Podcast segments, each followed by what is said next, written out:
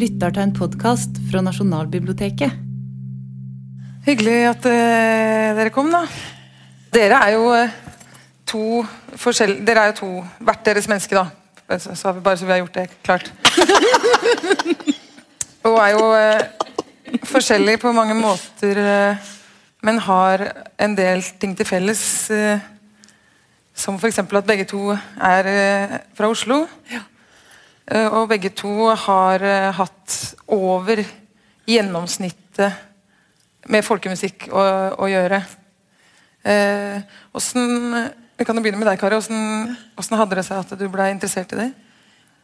Vet, vet eh, Tro det eller ei, men det var på Klubb 7. Hvor eh, det var eh, Dere som er gamle nok til å huske den musikklubben, så var det jo etter hvert eh, mye folkemusikk der. Og eh, kurs og konserter. Bland, vi, blanda, vi blanda oss med hverandre, liksom. Så jeg ble kjent med en del av de største folkemusikere. Og da ble vi kine på å rett og slett Altså, Vi visste ikke så mye om norsk folkemusikk før det, så, det, så Klubbsjø betydde veldig mye for oss. Lillebjørn og Steinar Ofsdal og, og en del av disse vissangerne.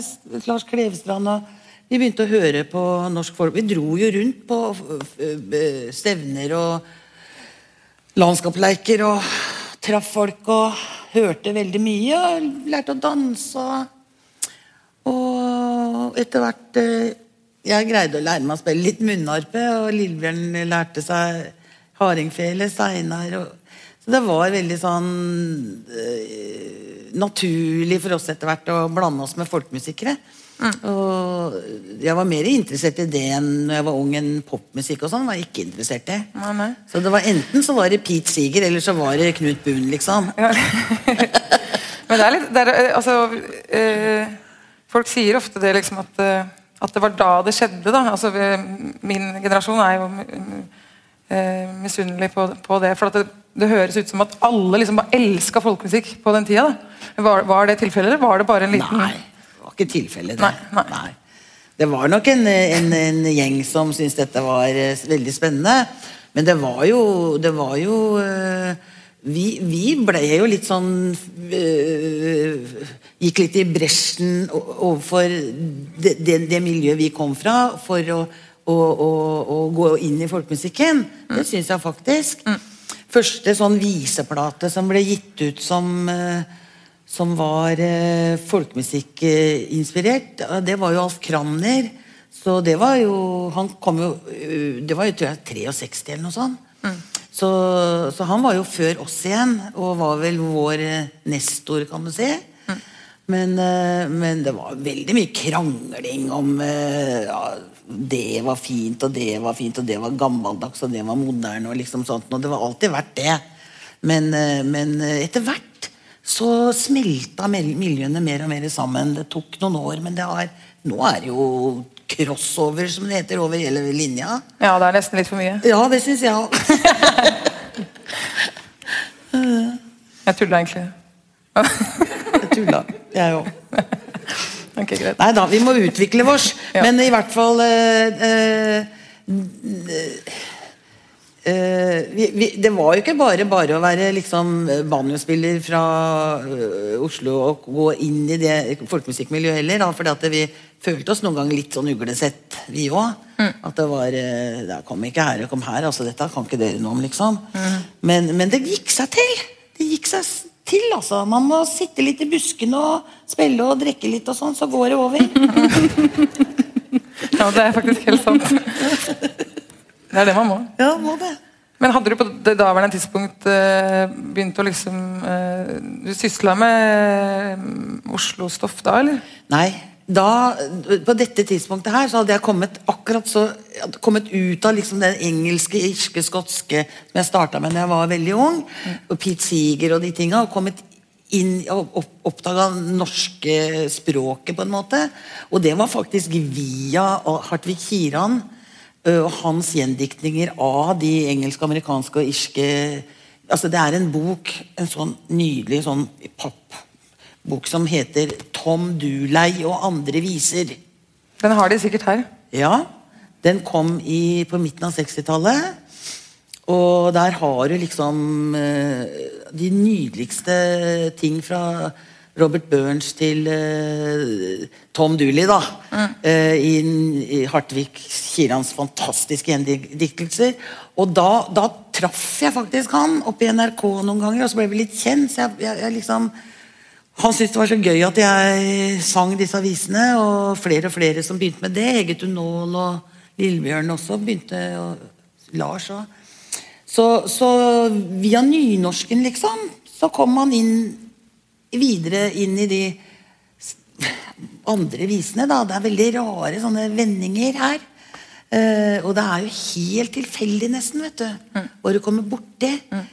Men, men Oslo-interessen hadde jeg jo litt hjemmefra pga. faren min, som var eh, eh, Vika-gutt og kunne masse gamle viser og sånt nå, men eh, det var ikke så jeg så interessert i det da.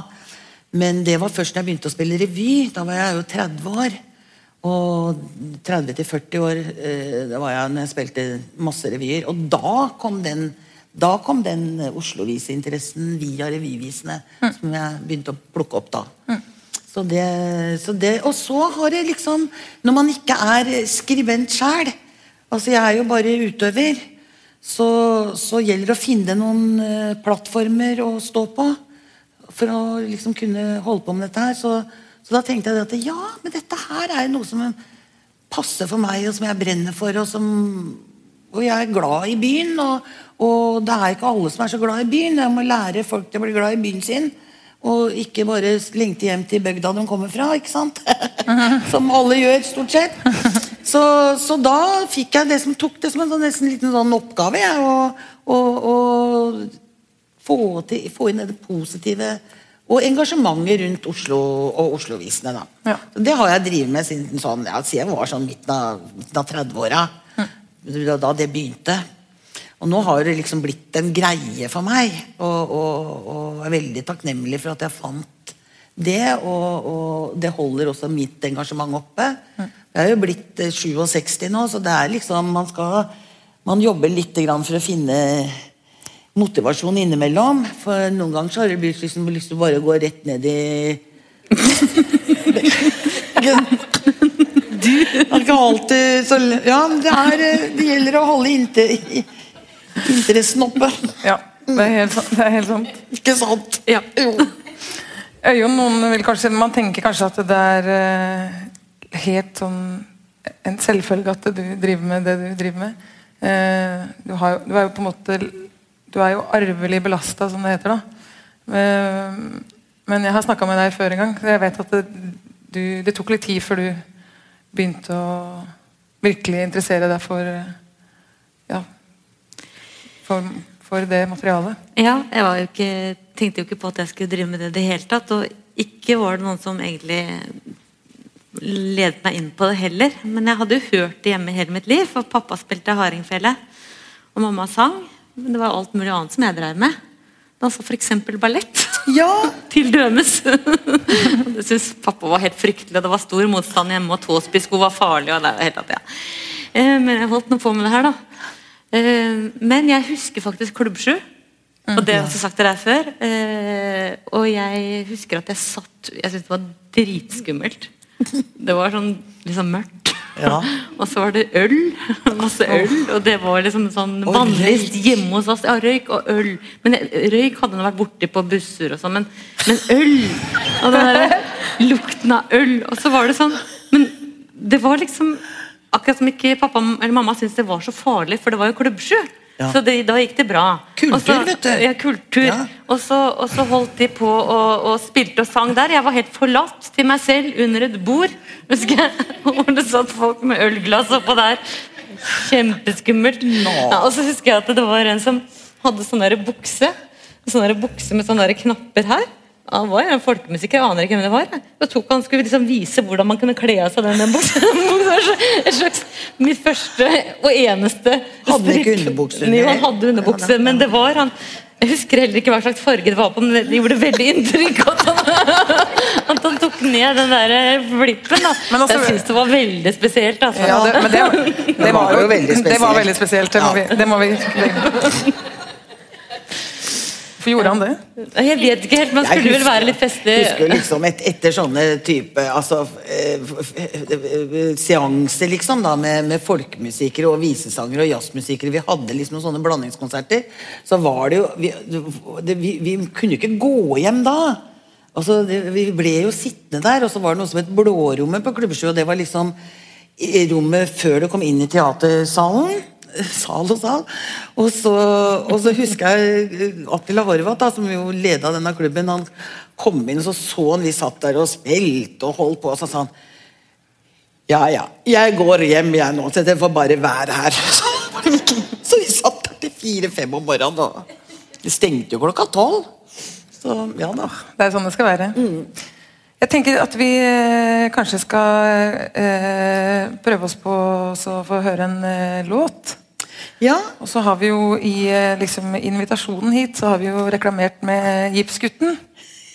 ja, du skjønner det at eh, Han har jeg faktisk lært av pappa. Som jeg fortalte var eh, gammel Vika-gutt. Han er jo født i 26, da, som var to, e- to år etter at eh, Christiania fikk navnet Oslo. Eh, men han kunne denne visa her, og den er jo godt kjent som 'Jeg er en fattiggutt fra Vika'. Men den heter altså 'Gipsgutten', skrevet av Olavis Pedersen, som var en veldig velkjent, anerkjent uh, skillingsvise-skribent.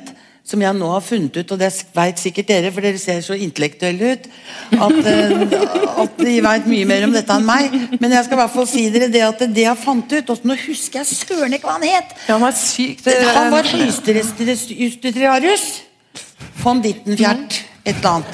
Hva het han for noe? Beate, hva het han? Høyesterett. Å, var det ikke verre? Alfred Sinning Larsen, ja. Nei, men det var, han, hadde, han hadde tre fornavn som var helt sånn rare sammen. Ja, ja, han, ja, det var mer enn det. Det var flere navn. Ja, det, Nils Ulrik. Alfred, ja. Det kan du Takk skal dere ha. Det skal jeg skrive opp etterpå. Nils Ulrik Alfred Sinding Larsen.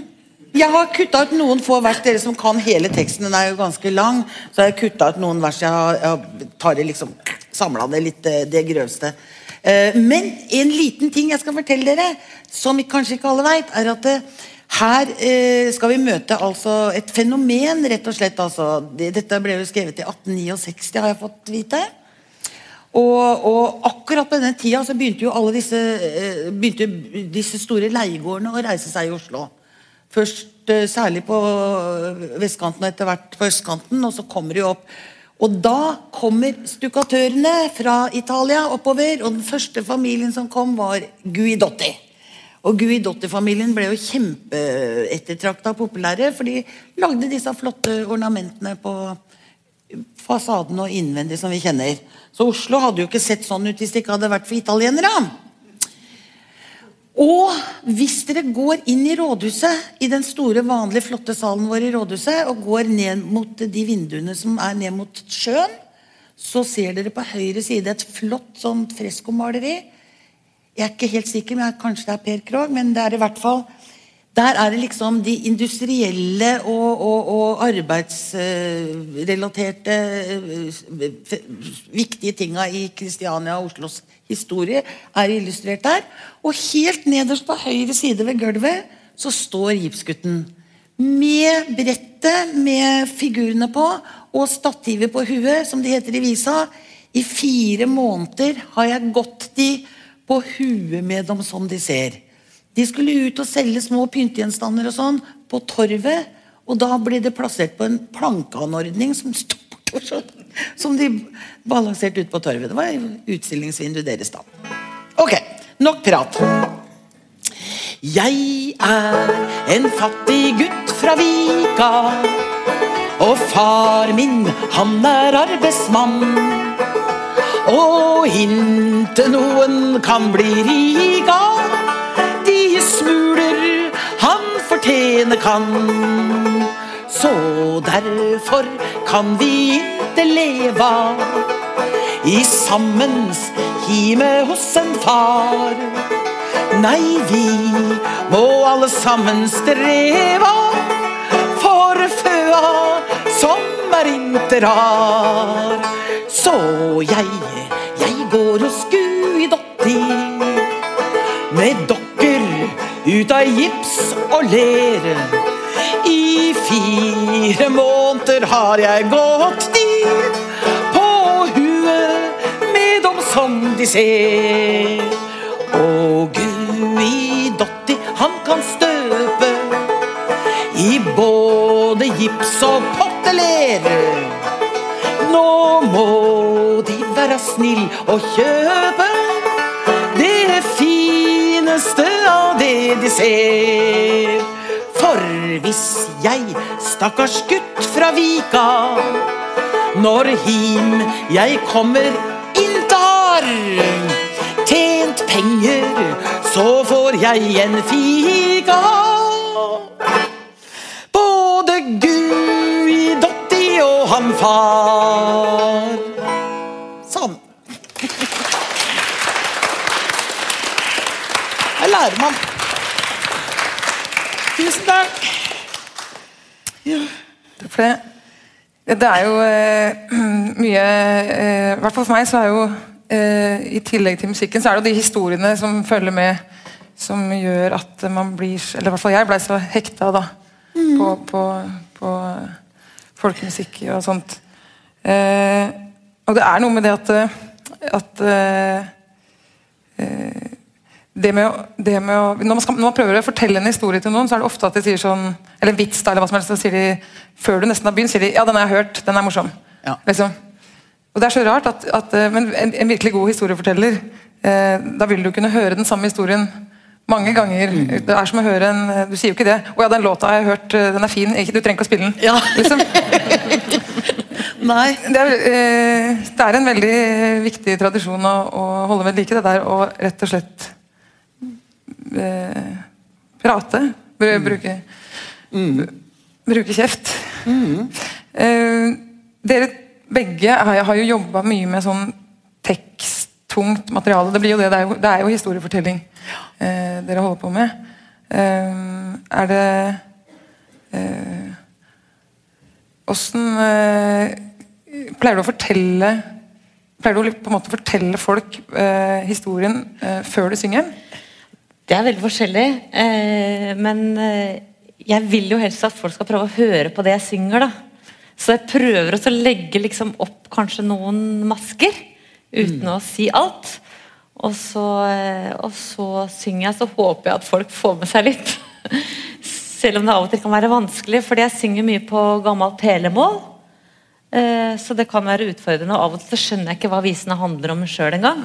Og det, og det, da er det spesielt utfordrende. Men, men det er noe et eller annet med at, eh, at da kan jo folk fantasere litt selv. Mm. Så kan de liksom lage sin egen historie inni den historien man synger. Ja. Og, og det syns jeg er veldig stilig. da Og derfor har jeg også begynt å synge litt på tysk.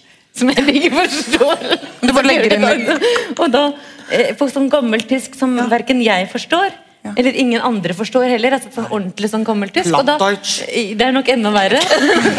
er sånn 1300-talls. Og det er, det er veldig fascinerende, for at da, da er det noen ord da, som man forstår. Ja. Ja. Og, og så lager man liksom Ja, Så det er spennende. Å la publikum jobbe, rett og slett. Og det må jeg si. Ja. ja.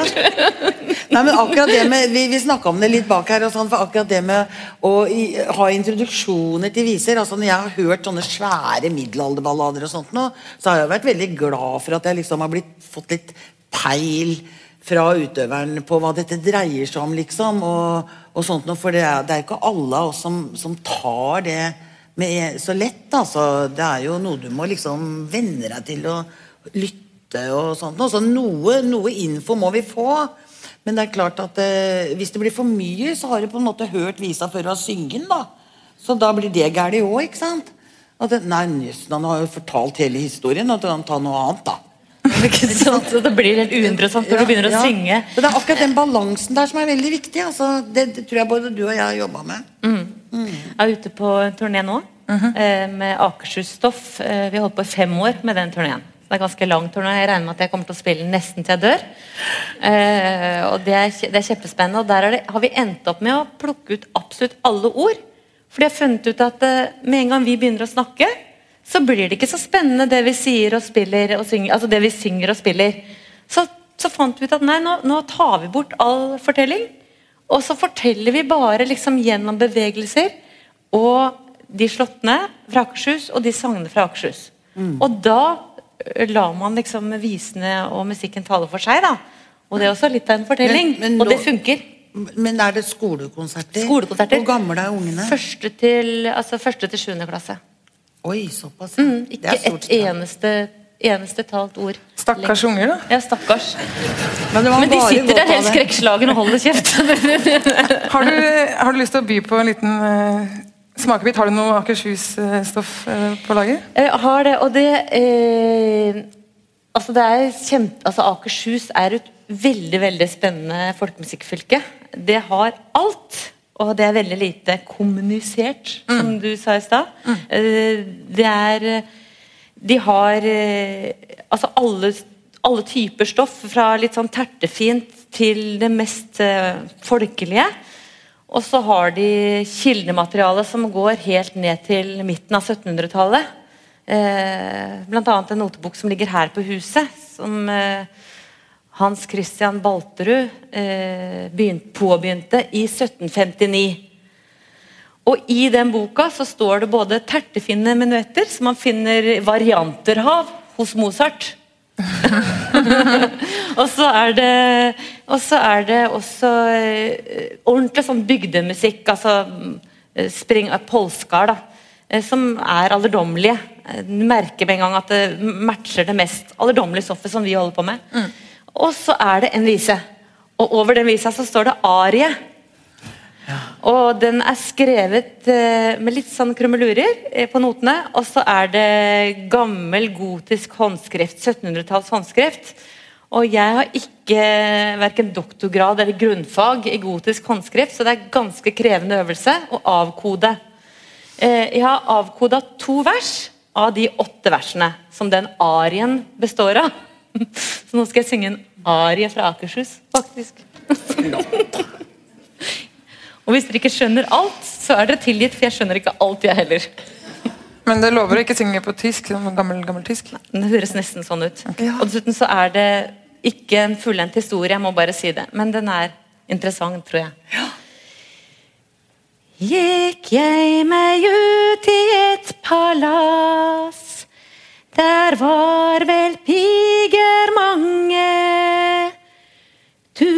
Vel tro jeg gjorde pabbas. Jeg var pirt hjortet bange. Spelmannen spillet på fiolen galant. Pigerne de danset mer enn de var vant. Ja, det gjorde de rett lange. Jeg meg ut i grønne lund, hørte jeg meg en fugl sjunge. Tenkte jeg ut i den samme stund, det var meg med stor glede. Ljud jeg dørlig fri fuglesang,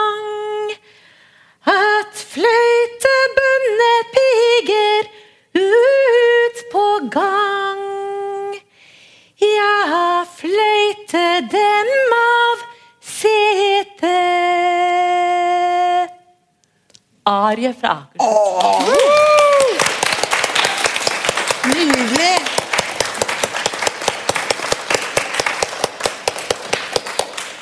Det var veldig vakkert, da. Ja. Ja, det er artig og mye fint i den boka. altså. Nå skal vi velge en fra publikum tilfeldig som skal uh, gi oss et lite sammendrag av hva det dreide seg om. Handlet om. I én setning. Det er jo så lyrisk, men det er, det er jo så fint. Altså, jeg trenger ikke å skjønne alt. Nei, Paddas, sa du?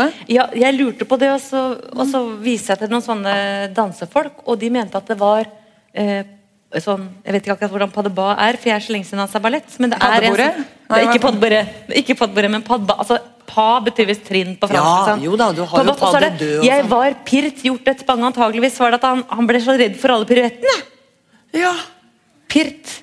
At det er sånn kortforma piruett. Mhm. Jeg veit ikke, altså, men det er en Ble svimmel? Ja, kanskje det. At det var litt sånn skummelt med alle som snurra. Ja. Okay. De dreiv litt med andre ting i gamle dager, vet du. Ja, det, var, det gjorde jo det. Det er jo, også, det er jo også det som er noe av eh, På en måte en, eh, At man blir så tiltrukket av disse gamle tinga, og at man lurer på åssen det var. Eller i hvert fall gjør jeg det. Det og, jeg, og jeg skulle så ønske, alltid skulle ønske at jeg liksom levde gamle dager. Jeg sånn, leste sånne vikingbøker da jeg var liten. og så Da ville jeg altså, hadde så lyst til å bli trell. Oi. Det. Å ja da! Så, så romantisk å være så fattig.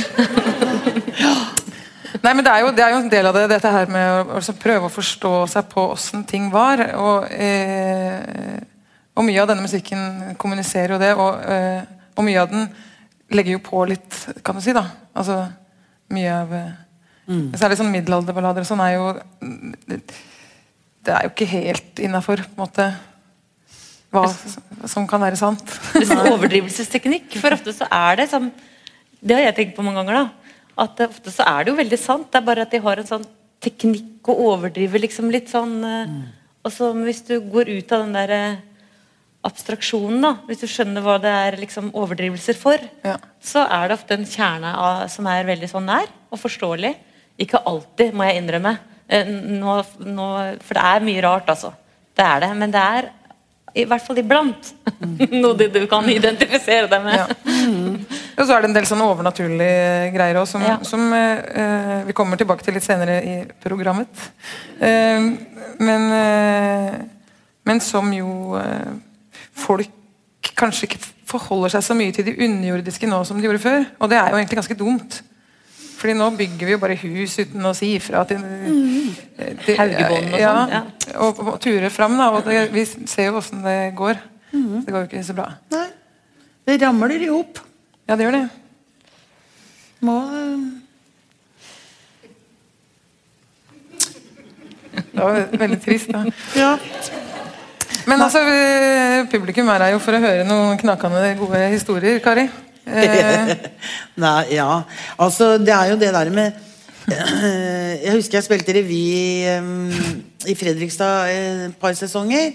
Da var det en eh, tegner og revyskribent som het eh, Ragnar Pedersen, som ble kalt for Joker, som eh, holdt til der nede. Og han var egentlig fra, fra Grorud eller noe sånt nå, men flytta ned dit, for han traff ei dame der. Og ble i Fredrikstad, da. Og ble deres store revyforfatter der nede på 70-, 80-, 90-tallet. Og han sa når jeg kom ned der, så for da, da var jeg liksom akkurat begynt å orientere meg litt eh, i det, det Oslo-stoffet og litt sånt. Og så sa Kari, det er, det er like interessant med den nærhistorien vår, som er liksom fra dine foreldre og fra når vi var små og oppover. For det har skjedd så veldig mye som det er for det som skjedde for 200-300 år siden. eller vel så det. Så ta vare på nærhistorien. Ikke glem det som liksom har foregått i din egen tid, egentlig. da. Så øh, det Han var veldig flink til akkurat og Han skrev også revynummeret, så var det veldig sånn på plass. Han var liksom sånn eh, litt fin bø med Beskrev liksom fenomener i vår tid og, og øh, tok tak i det som var, var i tida, da. Sånn syns jeg. Så han vant eh, to millioner i, i Lotto, han også. Da, det, det, det, det, tå- det tror jeg ikke han tålte, for han daua like etterpå. så det gikk ikke så bra. Det er ikke uh, lurt å bli rik. nei, det er ikke det. Jo, det var egentlig så eh, Med historie, da, så kan du si at det, det får jo jeg mye tilbakemeldinger på etter hvert når jeg er rundt omkring. Særlig blant ungdom, Uh, som jo dukker opp i, på de rareste steder hvor jeg er. Så kommer det plutselig litt, uh, litt yngre folk og sånt nå. Og det er uh, det at jeg forteller de, de der Oslo-relaterte historiene, da. Så, så jeg skjønner at folk er interessert i det. For det, det liksom jeg, husker jeg var på Sagne-kabaret, Vi spiller jo Sagne, altså, Sagne bydel jo, er jo fantastisk. De, jo, de lager en kabaret hver, hver høst, hver november. med Sagne Janitsjar eh, som deres eh, storbandgruppe. da, og, og, og meg og Lars Klevstrand og Andreas Diesen som konferansier, og ikke minst Sagne Ring, som er en liten eh, kvartett, eh, gruppa til Erik Fosse, som ga seg legen Erik Fosse. De har gitt ut tre CD-er med bare tekster om sagene. Det er godt gjort. Så Der er det mye historie. Men i hvert fall det, Sagene bydel eh, arrangerer det, så vi har fem konserter. Jeg tror det er litt tidligere i år enn vanlig. så det begynner er det 6. eller noe sånt november. Men det kan dere gå inn på Sagene bydel, og de har lagt ut billetter nå. Men tenk å ha en bydel som liksom gjør det, da. De gjør ikke det på Frogner, vet du. Har ikke noe sted å være engang. Så vi er da på Sagene festivitetshus, som da ligger i Holts gate. Og bare det å komme inn i det, i det huset, som i den bakgården der, som jo har vært kjerke og festlokale i mange, mange, mange år. Det, er jo, det sies da at det er Afrika, som Oskar Bråten skriver om i Ungen. At det er Sagene-festiviteten.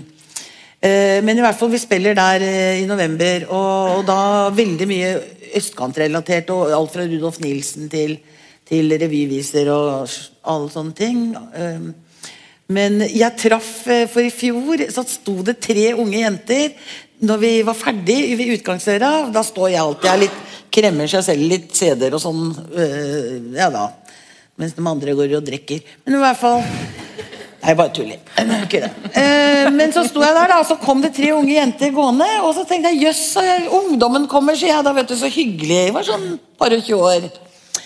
Og så var det Ingen av dem var fra Oslo, men de hadde kjøpt en leilighet sammen på Sagene og hadde akkurat flytta inn og skulle bo sammen i et sånt lite eh, og, og og så hadde fått tips om at de må gå på Sagene kabaret, for da fikk de vite liksom hvor de, hvor de hadde flytta hen. Hvor de bodde, og de var så glad for det. Så altså, plutselig så fikk vi tilhørenhet med en gang. Vi har kommet inn hit og sett hva dere driver med her. og og, og snakker om bydelen og hva som har skjedd. Der har jo vært masse kultur i løpet ja, ikke sant? Sagene. I Holts gate, der hvor dette ligger, da, det er en liten gatestump mellom Sandakerveien og, og Fugts gate. Der har, jo, der har Rudolf Nilsen bodd en periode, der har Oskar Bråten bodd, og der har Arne Påske Aasen bodd. Den, ikke samtidig, men det, det, bare tenk på det. Tre fantastiske forfattere i samme gata. Mm. Steinar Ofsdal er døpt der. For da var det settekirke for Lilleborg, for de hadde revet den. Så det var jo settekirke, så det er jo, det er jo fantastisk. Nå blir det jo leid ut som festlokale, og, og de spiller, og de skal spille Ungen der nå, faktisk nå i høst. Med lokale stjerner. Så det, det blir fint med fullt orkester. da. Så få med dere det. Bra, bra tips. Ja. Har du lyst til å dra en låt låt Å til? ja! Mhm. Ja, min eh, eksmann Lillebjørn Nilsen Det er ikke noe hemmelighet det at han At vi har Slått opp? slått opp. jeg har jo jubileum til neste år. Jeg, eh, neste år er det 2018. Da har jeg 40-årsjubileum som skilt. Gratulerer. Tusen takk. Eh, jeg tenkte jeg skulle Jeg tenkte jeg skulle ta en eh, tidlig Nilsen, eh, som jo beskriver eh, Jeg syns det er en veldig fin tekst han har skrevet. Han var bare 19 år da han skrev den. Og vi skal da til en liksom Poenget her er det en, en hengebru som dere sikkert har sett, som heter Åmot bru, som går over Akerselva nedenfor Sandebrua der. Og den, eh, den har et skilt på hver side hvor det står 'Hundrede mann kan jeg bære, men svikter under taktfast marsj'. Og denne hengebrua den var en gave fra, fra Modum kommune Nei, Modum kommune. Åmot, vet du hvor han sto? Der hvor Blåfarveverket ble, ble oppretta, etter koboltgruvene der, Før dette fantastiske kunstsenteret ble, ble etablert, så sto den broa der. Og alt lå i brakk der etter gruvene. Så da Artig! Nei, den, den trenger ikke å stå der. Den, den gir vi til Teknisk museum i Oslo, for det er en perfekt øh, hengebru som liksom skulle være ja. Men som dere vet, så i Oslo så blir man jo aldri enige om hvor sånne signalbygg skal ligge. Så hvor skulle Teknisk museum ligge? Ble aldri enige. Ja, vi må jo sette han et sted. Vi må, ha, vi må jo, så de satte den der. det er egentlig helt midlertidig. Det er mye lenge siden er da? 60 år siden? Ja.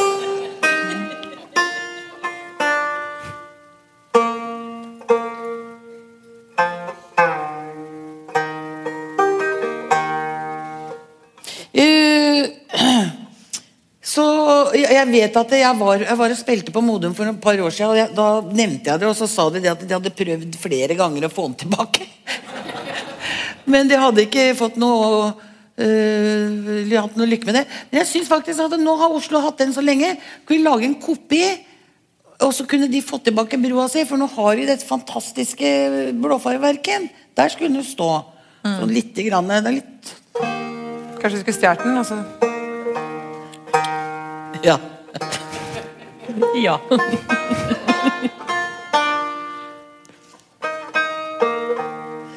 Ja, for holde. Det er eh, Ja, det var den brua. Ja, det, det er ikke tenk om jeg sier. Far har fortalt.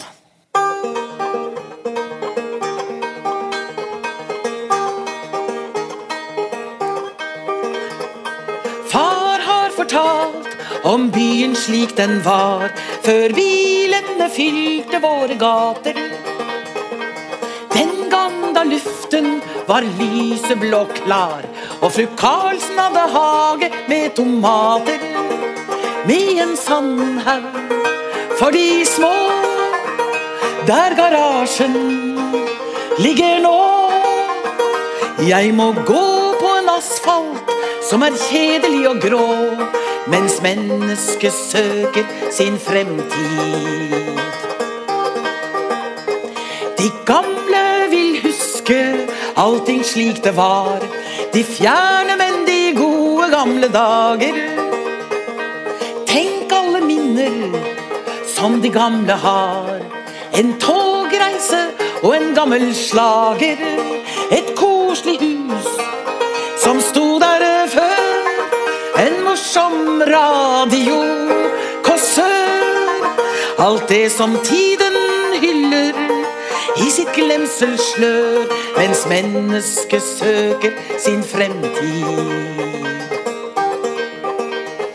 Ja, tider skal komme, tider skal forgå.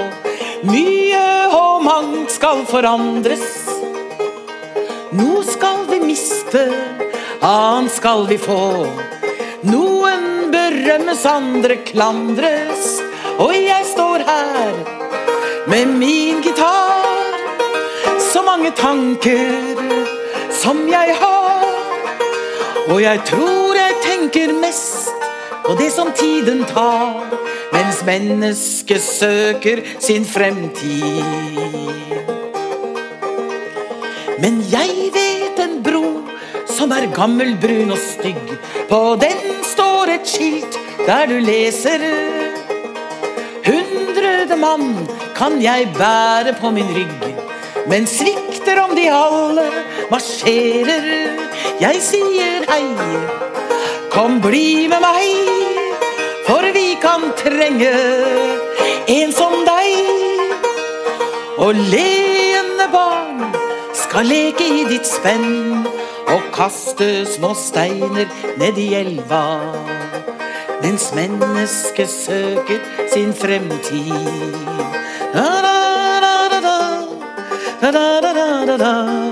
Mens mennesket søker sin fremtid.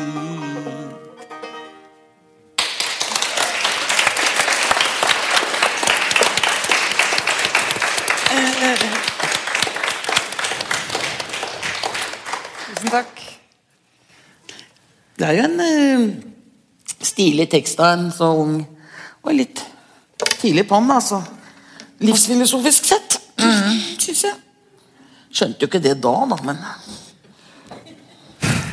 Det er rart å si Jo, det var fin vise, liksom. Det var mye som var fint når man var ung, og så får du Ser du på det når du blir eldre og har fått mer erfaring, og så tenker du Jøss, var såpass, ja. Ja, ja. Det er liksom den der 'danse, ikke gråte' nå, Ja. eh, vi sa til Lillebjørn nå. Liksom, Ja. Da var han kanskje enda yngre. Ja, da han var 16. Ja, Det er også ganske rart å tenke Grei ut om et dikt, eh, ikke sant? Så, så han skrev, skrev det sjøl, da, og greide ut. Det var danse, ikke gråte nå. Ja. Bra løfte. Vi eh, snakket om Vi var så vidt innom skilsmisse her. Eh, og du har sagt at du skal fremføre en eh, låt som heter Den gyllen, En gyllen ring. Ja, det kan jeg gjøre. Eh, jeg tenkte at det var en sånn ganske bra overgang jeg presterte nå. Men jeg, jeg innser at den kanskje var helt middels.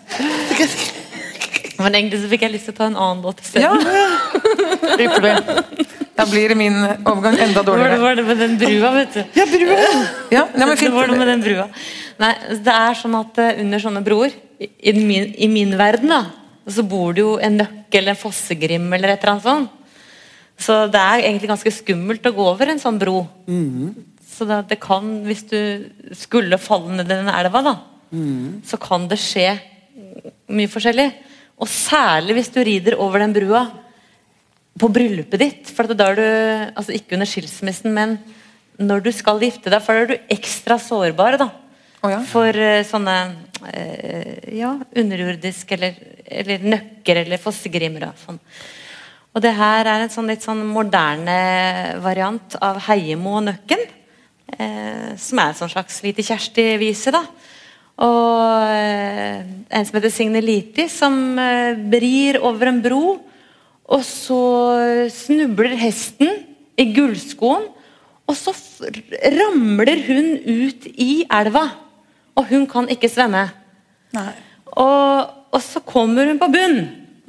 Og der begynner jeg å vise akkurat nå. Okay.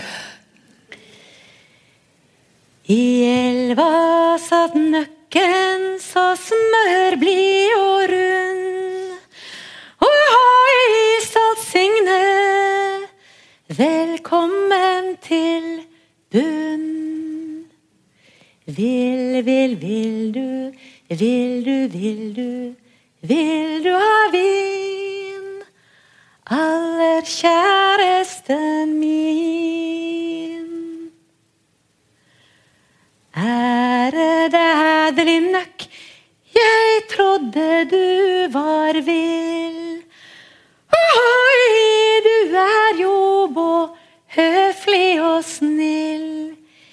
Jeg vil, vil, vil, jeg vil, jeg vil gjerne ha vin. Men jeg er nok ikke din. Så skjenket han i det fineste beger av gull. Ohoi, stolt Signe, drikk deg nå full. Vil, vil, vil, vil, vil du, vil du sette deg her på mine knær? Ærede Adeline nøkk, og tenk at det er sant. Ohoi, at du er så høflig og galant. Jeg vil, vil, vil, jeg vil gjerne sette meg ned. Men ikke på ditt kne. Han kysset stolt Signe og satte henne ned på en stol. Ohoi, stolt Signe, vær nå litt frivol.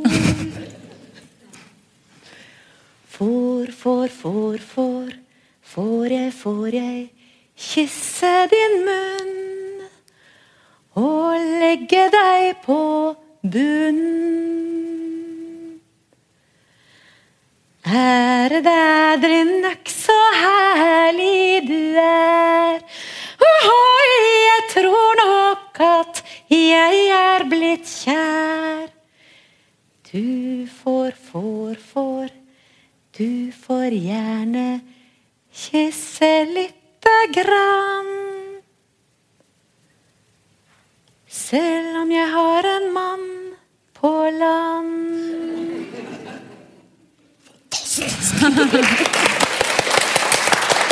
Å, fy fader!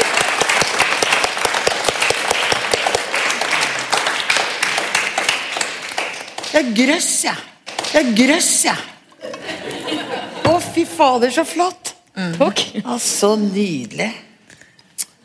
Men at nøkken er så lik eh, andre menn, det, det Det er jo det som, det som er utfordringen. Han var en plattenslager! Han er fordufta nå. Han har ikke dufta. Nei, men dette, dette er sånne historier jeg syns er kjempefascinerende. Altså.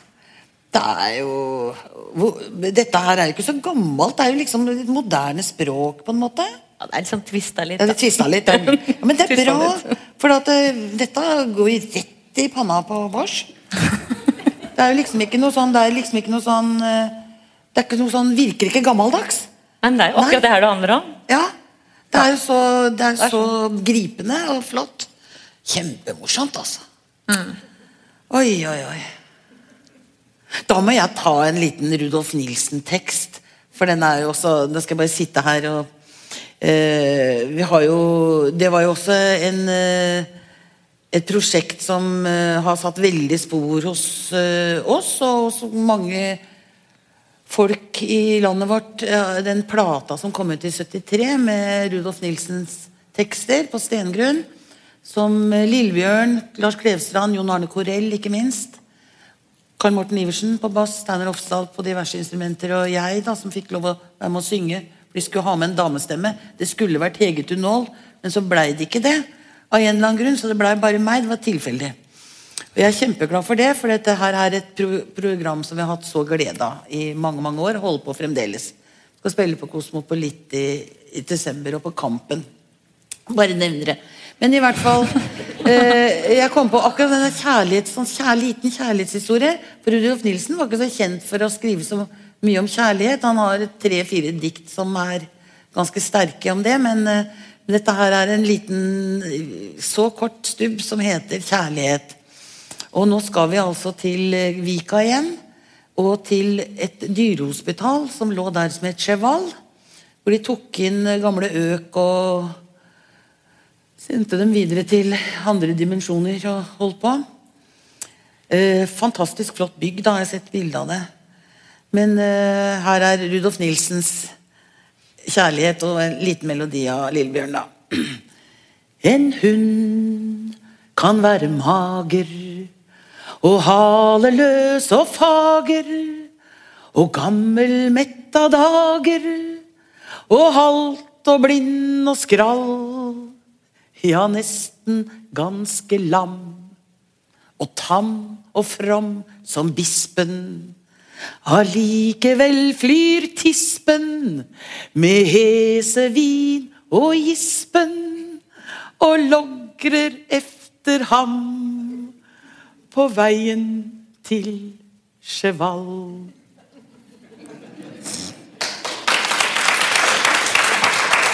Ja. En liten fin historie, det òg.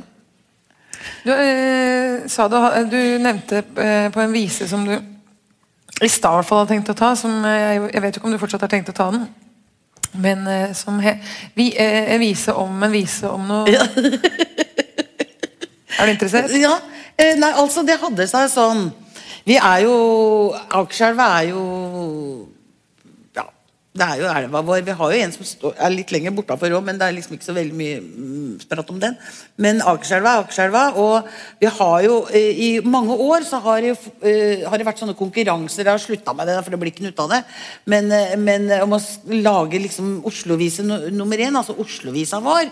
Og vi har prøvd med hver eneste dag er en Oslo-dag for alle som kjenner vår by. Skål.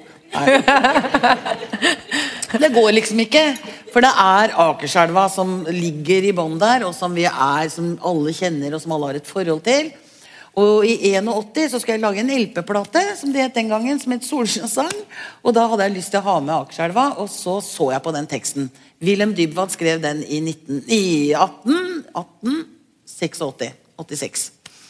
Og da, på den tida, så var det jo Så det annerledes ut. Elva så, var jo møkkete og fæl, og det var masse industri og utslipp. Og det var eh, andre folk og typer som levde og grodde rundt der. Så når jeg så på den teksten da, så var det var liksom alle referansene var eh, gått, avgått med døden eller uh, revet. Så da tenkte jeg det at eh, jeg må få, jeg må få noen til å få den visa opp i dagen igjen, sånn at vi får den opp der hvor da begynte det å skje positive ting. ikke sant? De begynte å rydde opp, begynte å lage gangstier. Vi kunne bruke, være i nærheten av elva. Når jeg var liten og vokste opp ved Cuba og gassballongen og sånn, så fikk vi jo ikke, det var ikke umulig å komme ned til elva noe særlig noen steder. Og gjorde vi det, så datt vi uti, eller eh, drugna, som det het. da. så mora mi sa drukner, nå, 'Drukner du nå, så får du juling når du kommer hjem'. Men i hvert fall, i hvert fall Det lå jo gamle sykler og kjøleskap og ikke sant? Så det har vært fantastisk, det som har skjedd. At det har blitt eh, så fint. I går så jeg på TV, de har tatt laks oppover elva nå. Det går eh, gyter og går oppover. Men i hvert fall eh, Så eh, da, var vi, da var jeg forholdsvis nyskilt. Følte meg forholdsvis nyskilt ennå, da. Og ganske sånn litt jævlig forbanna som man er i noen år etter man har eh, tryna. Sånn at, uh, så jeg ringte til min eksmann og sa jeg at nå må du hjelpe meg. For uh, nå trenger jeg en tekst til Akerselva. Du skal skrive en ny tekst til Akerselva. Nei, det kan jeg ikke, for det, det, går ikke an. For det er en ikonisk vise, og kan, vi kan ikke tulle med det.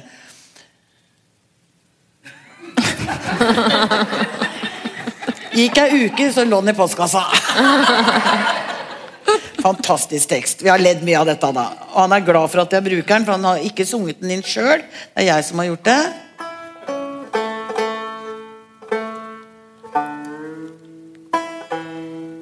Så jeg åpna den konvolutten den gangen eh, man fikk brev. Så åpna jeg konvolutten, og så så jeg bare tittelen, så sto det 'Vise om visa om Akerselva'. Da har man redda seg fint inn, ikke sant? Og vi har beholdt uh, det gamle refrenget, uh, to steder i hvert fall, som Wilhelm Dybwad skrev, og så har Nilsen laga et uh, nytt refreng. Så liksom beskriver hvordan er det var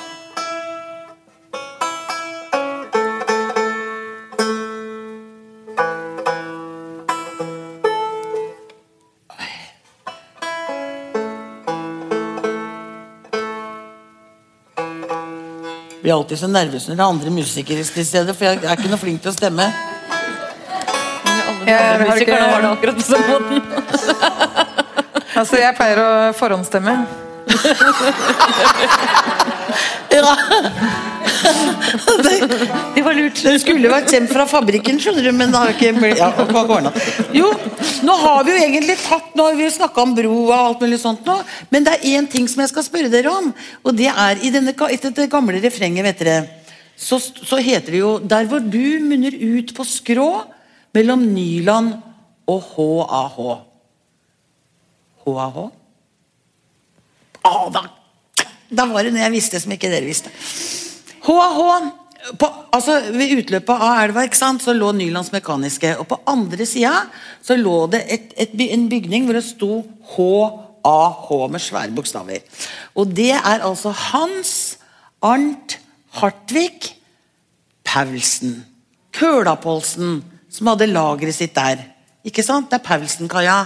Den er jo der ennå. HAH Hans Arnt Hartvig Paulsen. Da veit vi det. Skal vi se om dere kan eh, huske noe av, denne, av dette refrenget. Da, for det er, det, er ikke, det er, ikke, lett å huske det. Men, øh, men øh, ja. Vise om vise om. Noen mennesker hører hjemme blant de ville fjell. Andre, de er vokst opp ved en vakker kyst, ja vel. Men det fins også folk som har ei gate nokså kjær som smiler lurt når de får høre denne visa her. Akerselva, du gamle og grå. Akerselva, deg holder jeg på. Selv om Donau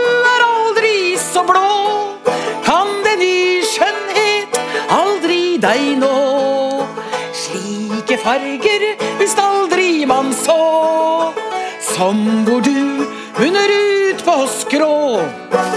I den yndige, duftende vrå, mellom Nyland og Håahå. Ja, sånn ble elva ledd av på revy i gamle dager. Der lo dem jo alt som fantes øst for Chat Noir. Men vi kan dikte videre på elvas melodi. For her på denne kanten er vi glad i elva, vi. Akerselva, du renner som før. Ennå har det ikke lagt deg i røret. Ok, litt neve vaterlandsbru,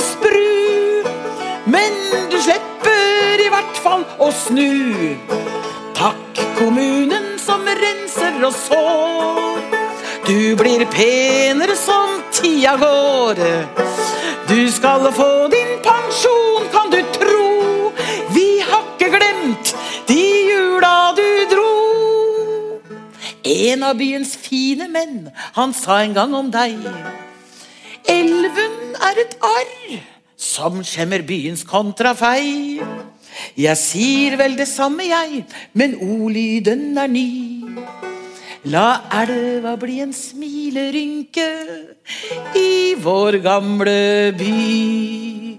Akerselva, du gamle og grå Nå må du bli med. Akerselva, det holder jeg på, selv om Donau, selv om Donau er aldri så blå.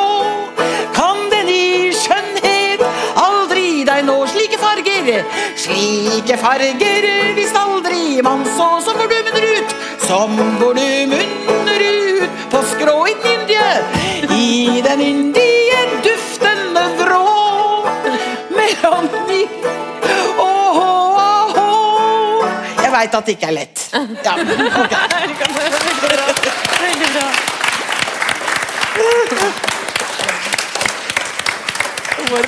Vet du. Det er lov å prøve seg. Tusen takk. Ja, jeg hadde veldig lyst til å synge mer, men så hadde jeg sånn mikrofon, så tenkte jeg at da kommer alle til å høre hvor, at, jeg egentlig ikke kan synge. Det er ikke så farlig.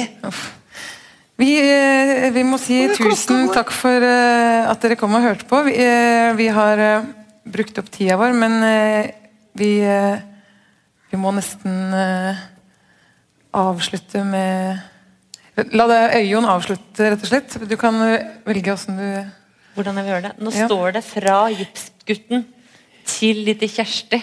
Ja. Det skal være litt sånn skoleflink, da. Mm. Så skal man jo ta litt i Kjersti til slutt. Ja, for Folk kan jo bli forbanna hvis ikke de får det de ja. trodde de skulle få. Ja. Eh, det er litt spennende med den visa fordi at eh, Ja. Den er litt sammensatt. Altså, man kan tenke på den som en sånn eh, jente som blir narra inn i berget av bergekongen og får vin og blir dopa ned og glemmer hvor hun kom fra. Men det er ikke så enkelt. Når man ser på alle de forskjellige variantene av visa, så ser man at her er det masse masse lag. Og for så er det mange varianter som har det at hun har fått masse barn inni berget. Sånn 7 til 9 til 15. Oi. Så hun har jo drevet med han eh, bergekongen i mange år. Ja. Så driver hun og føder inn i berget, og så kommer hun hjem til moren sin og sitter og vever, og så renner det melk ut av brystene og hun bare oh. prøver å late som ingenting. ikke sant? Oh, ja. Og så må hun bare innrømme til moren sin at ja, ja nei, ja, bergekongen ah, Ja, jeg har sju, ni 15 barn inne i Bergen, liksom.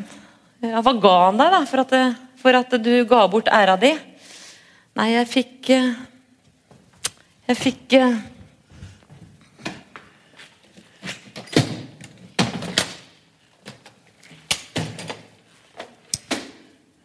Jeg fikk en harpe av gull som jeg kunne slå på når jeg var sorgfull.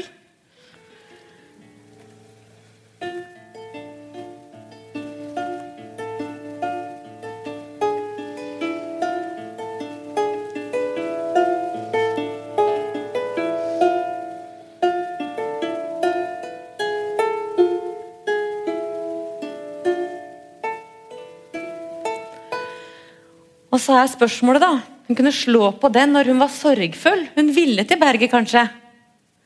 Det var rett og slett mannen hun elsket, kanskje. Og kanskje hun kom fra en veldig fin familie, og bergekongen var en fattig mann som bodde oppe i berget der. Som hun ville være sammen med. Mange tolkninger er mulige på den visa. Nå skal jeg synge noen vers. Jeg tar liksom de der, på en måte, klassiske versa, som er liksom den unge, lille jenta som blir narret inn i, gulv, inn i berget. Og Det blir putta et villarkon i vinglasset hennes, og hun drikker og glemmer hele bakgrunnen sin. Men så enkelt er det egentlig ikke. Bergekonjen kom segrende i går. Brunfålen rinder lett. Lite Kjersti utenfor honom står. Uh, det regner og det blæs. Fenoran under fjøllo, innad under ello, der leikar det. Bergekongen har seg ein gangar i spak, brunfålen rinder lett. Han setter lite Kjersti uppå hans bak. Uh, det regner og det blås. Se noran under fjøllo, innad under hello, der leikar det. Så rei dei det bergi tre gonger ikring, brunfålen rinder lett. Berget inn i Jøpnas, og dei for der inn. Uh, det regner og det blæs. Fenoran under